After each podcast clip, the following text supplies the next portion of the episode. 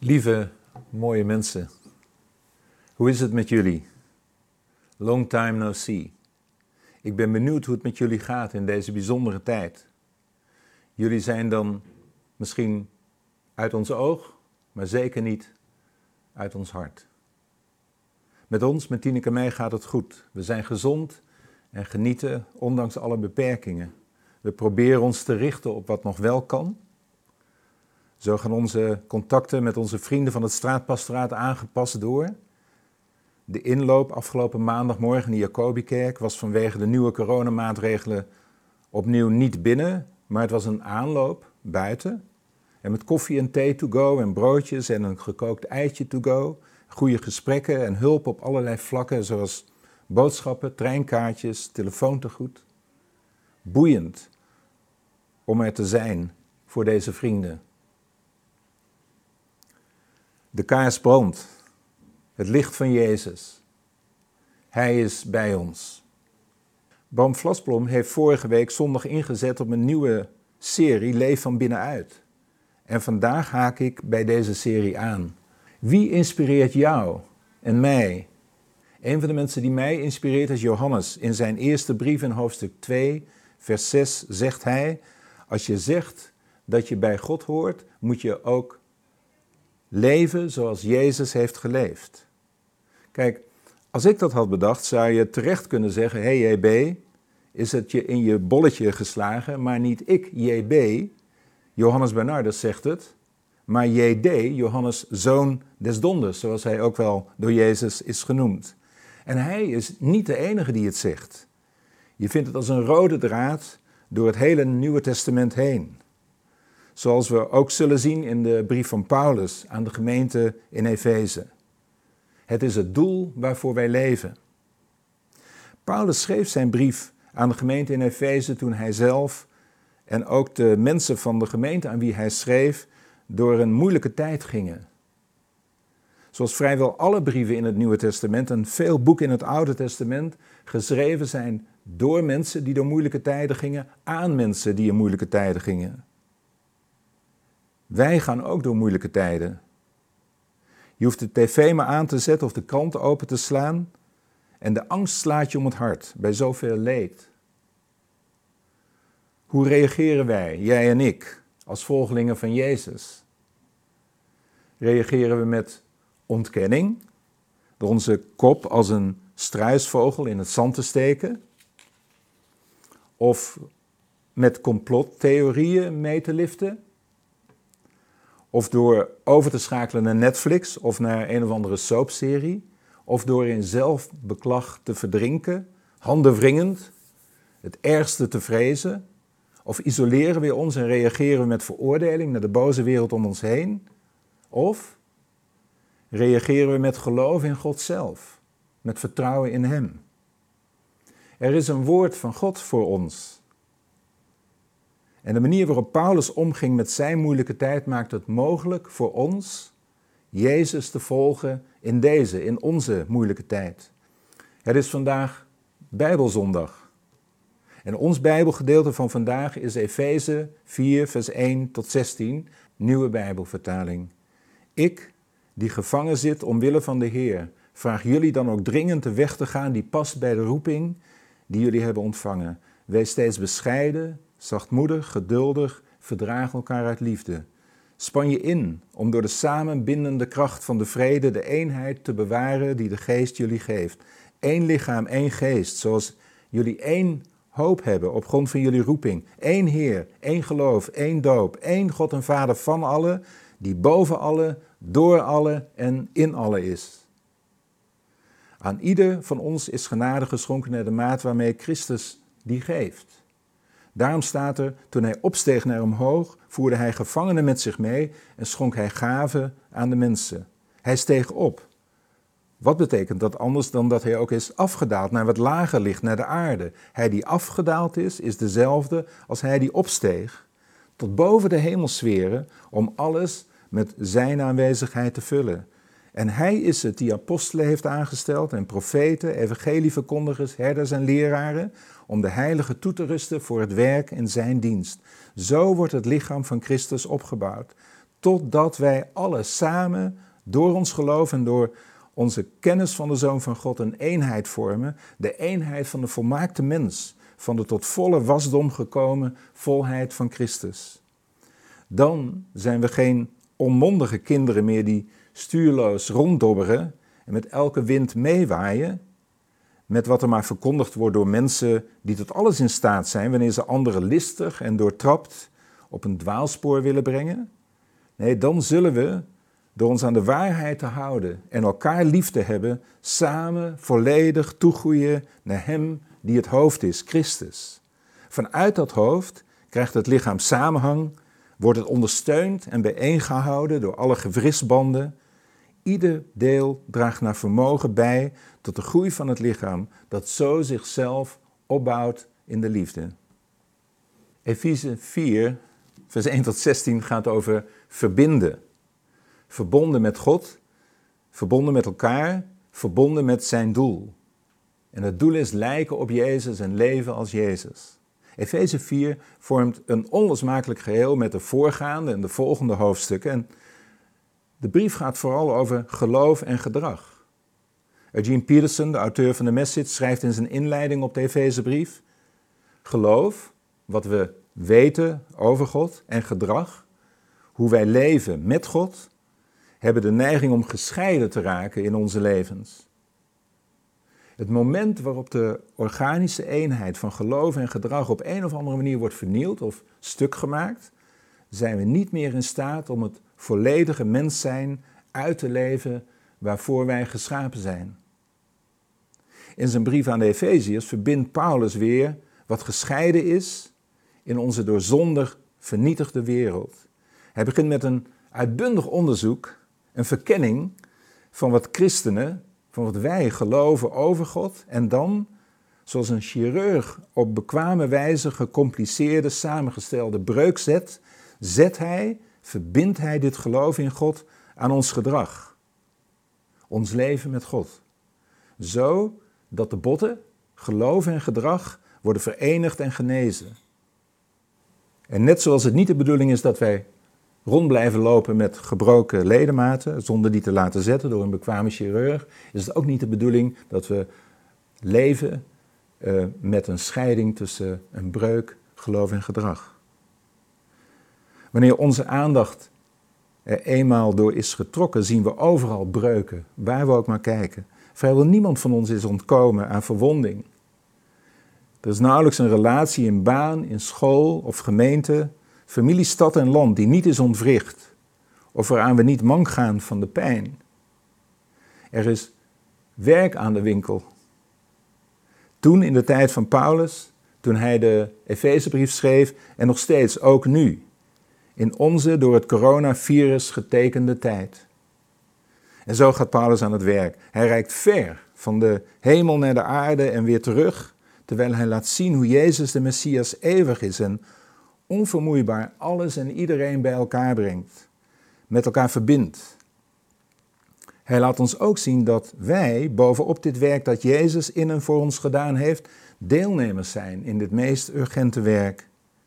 En nu we weten wat er gaande is, nu we weten dat de energie van verzoening de dynamo is in het hart van het hele universum, is het meer dan nodig dat we krachtig en volhardend meedoen, overtuigd dat ieder detail in ons leven bijdraagt aan wat Paulus beschrijft als het plan van God dat is uitgewerkt door Christus. Zoals het in het hoofdstuk dat voorafgaat aan Efeze 4 en Efeze 3 staat. Een lange termijnplan waarin alles samengebracht zou worden en samengevat, verbonden in Hem, alles in de diepste hemel en alles op de planeet Aarde. Paulus schrijft aan de gemeente in Efeze om hen te bemoedigen. Ze hebben het moeilijk. Er is veel duistere oppositie. Hij schrijft zijn brief terwijl hij zelf in de gevangenis zit. Heb jij dat wel eens meegemaakt? Iemand schrijft jou een bemoedigende kaart of een brief omdat hij weet dat jij het moeilijk hebt, terwijl hij het juist zelf moeilijk heeft, nog moeilijker dan jij. Paulus heeft een dringend verzoek, vers 1 van Efeze 4. Ik die gevangen zit omwille van de Heer, vraag u dan ook dringend. Er staat dan ook. Hij grijpt daarmee terug op de vorige hoofdstuk, op de droom, het mysterie van God over Christus en de gemeente, Efeze 3. Gods droom voor de gemeente, een mysterie dat eeuwenlang verborgen is gebleven en is aan hem, aan Paulus, onthuld. En ook hoe die droom, dat mysterie, werkelijkheid kan worden in onze levens door Christus. In hoofdstuk 3, vers 18 staat: Samen met alle heiligen vatten we de breedte, de hoogte en de diepte. Ja, de liefde van Christus kennen, die alles kennis te boven gaat, opdat we zullen volstromen met de volkomenheid van God. Daar is Paulus helemaal vol van. En daarom vervolgt hij dat dringende verzoek en zegt hij om de weg te gaan die past bij de roeping die jullie hebben ontvangen. Wat betekent dat, de Jezusweg bewandelen, lijken op Jezus, leven als Jezus? Wat is er dan echt belangrijk? Hoe ziet die weg, dat leven eruit? Of meer precies? 1. Hoe zie je de start of de uitgangssituatie, het vertrekpunt? Hoe ziet dat eruit? 2. Hoe ziet de weg, het parcours, de reis, jouw journey eruit? En 3. Hoe ziet de finish, het doel eruit? Om te beginnen, hoe ziet de start eruit? Een goed begin is het halve werk. Paulus zegt dat goed starten in de eerste plaats gaat over de juiste houding. Vers 2. Wees steeds bescheiden, zachtmoedig en geduldig en verdraag elkaar uit liefde. Wij herkennen hier de houding, het karakter van Jezus en ook de vrucht van de geest die in ons groeit. Het is zijn houding, zijn karakter die zo anders is dan de onbescheiden, harde, ongeduldige, onverdraagzame, liefdeloze houding in onze samenleving. En, als we niet uitkijken, ook die van onszelf. Paulus roept ons op om op Jezus te lijken als Jezus te leven, om bescheiden, zachtmoedig, geduldig, verdraagzaam en liefdevol te zijn en te blijven. Hoe moeilijk dat soms ook kan zijn. Of ben ik de enige? Paulus gaat verder en zegt dat wij met die houding de eenheid bewaren. Span je in om door de samenbindende kracht van de vrede de eenheid te bewaren die de geest geeft. Vers 3. Eén lichaam, één geest, zoals u één hoop hebt op grond van je roeping. Eén Heer, één geloof, één doop, één God en Vader van alle, die boven alle, door alle en in alle is. 4 tot 6. Het gaat hier om het wel de eenheid van de geest wordt genoemd. Er staat inspannen om te bewaren, niet inspannen om te maken. De eenheid van de geest is geen doel dat we uiteindelijk zullen bereiken. Nee, het is onze start, onze uitgangssituatie. Het, de eenheid, of liever Hij, de geest die ons één maakt, is er al. En het is de kunst om er alles aan te doen die eenheid vanuit vrede te bewaren. Heb je wel eens geprobeerd eenheid te maken? Het breekt je bij de handen af. Onze uitgangssituatie is geen menselijke start, maar een goddelijke. Twee, hoe ziet die weg eruit? De Jezusweg. Ging het in de eerste zes versen over eenheid vanuit het kruis van Christus als fundament, over het karakter van Jezus, onze houding, de eenheid van de geest. Na de start gaat het verder over de werkelijkheid na de hemelvaart van Christus en de uitstorting van de Heilige Geest. Verscheidenheid, diversiteit, gaven en bedieningen. Over de Heilige Geest die alles en iedereen wil vervullen met zijn aanwezigheid. Over verscheidenheid, diversiteit, de andere kant van dezelfde medaille van eenheid. Onlosmakelijk met elkaar verbonden. Efeze 4, vers 7 tot 12. Aan ieder van ons is genade geschonken naar de maat waarmee Christus die geeft. En dan om alles met zijn aanwezigheid te vullen. En hij is het die apostelen heeft aangesteld, een profeten, evangelieverkondigers, herders en leraren, om de heiligen toe te rusten voor het werk in zijn dienst. Dit laatste vertaalt de message zo, so that it can go out in the world and do Christ's work zodat we uitgaan in de wereld en het werk van Christus doen. Er staat dat de bedieningen er zijn om toe te rusten, ook wel trainen. Dit ligt heel erg na aan het hart van wie we als Vineyard-familie zijn, equipping the saints. Een van de grondbetekenissen van toerusten is aan elkaar verbinden, aan elkaar knopen, van een visnet bijvoorbeeld, of optuigen van een schip bijvoorbeeld, of in elkaar zetten van een lichaam bijvoorbeeld. Met als doel dat we lijken op Jezus en leven als Jezus. Dat wij God en elkaar en de wereld dienen zoals Jezus. Daarom geeft God leiders aan de gemeente. Omdat Hij zoveel van zijn gemeente houdt, van ons houdt. Leiders zijn liefdesgaven van God aan de gemeente. Niet om op een voetstuk te worden geplaatst, nee. Om te dienen als vijfvoudige bediening, als een versnellingsbak, als een pook. Wij zijn in die beeldspraak de gemeente met al onze gaven en onderdelen, de auto. Jezus is de bestuurder, die rijdt en stuurt en bestuurt. En de bedieningen zijn de versnellingsbak, de pook. Jezus bedient de bedieningen om zo ieder van ons in te schakelen bij zijn werk. Jezus is met ons begonnen, gestart, is onderweg met ons allemaal en wil uiteindelijk met ons allemaal finishen, zijn doel met ons bereiken. Hoe ziet dat doel eruit? Wat is het doel van de Heilige Geest? Het lichaam, de gemeente opbouwen, de auto in elkaar zetten, het visnet aan elkaar knopen, het zeilschip optuigen, ons met elkaar verbinden in één lichaam. Zo wordt het lichaam van Christus opgebouwd. Totdat, en hier komt het doel, de finish, vers 13, totdat we alle samen door ons geloof en door onze kennis van de Zoon van God een eenheid vormen, de eenheid van de volmaakte mens, van de tot volle wasdom gekomen volheid van Christus. Dit is wat wel de eenheid van het geloof en het volmaakt kennen van Jezus wordt genoemd. Het is heel erg belangrijk dat we de uitgangssituatie, de start, waar we het over hadden, de eenheid van de geest, en het doel, de finishlijn, de eenheid van het geloof en het volmaakt kennen van Jezus, niet met elkaar verwarren. Vanuit de eenheid van de geest als startsituatie groeien we toe naar de eenheid van het geloof en het volmaakt kennen van Jezus. Het doel en niet andersom. De message, Efeze 4, vers 13, zegt het zo. Het doel is fully mature adults, fully developed within and without, fully alive like Christ. Volmaakt, volwassen, volwassenen, volledig ontwikkeld van binnen en van buiten, volledig tot leven gekomen zoals Christus. Het is de echo van een hoofdstuk eerder, 3 vers 19. Live full lives, full in the fullness of God. Leef vervulde levens of leef voluit, vervuld in de volheid van God, zoals Christus. Dat is het doel, op Jezus lijken, het leven van Jezus leven, zoals Hij nu zou leven. De message zegt hier, like Christ in everything, zoals Christus in alles. Ons geloof en ons gedrag, wat we geloven en hoe we leven, volmaakt met elkaar verbonden.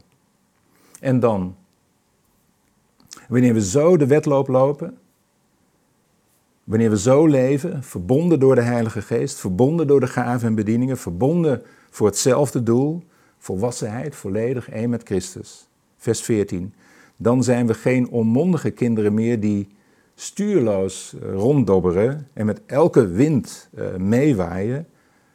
Met wat er maar verkondigd wordt door mensen die tot alles in staat zijn wanneer ze anderen listig en doortrapt op een dwaalspoor willen brengen.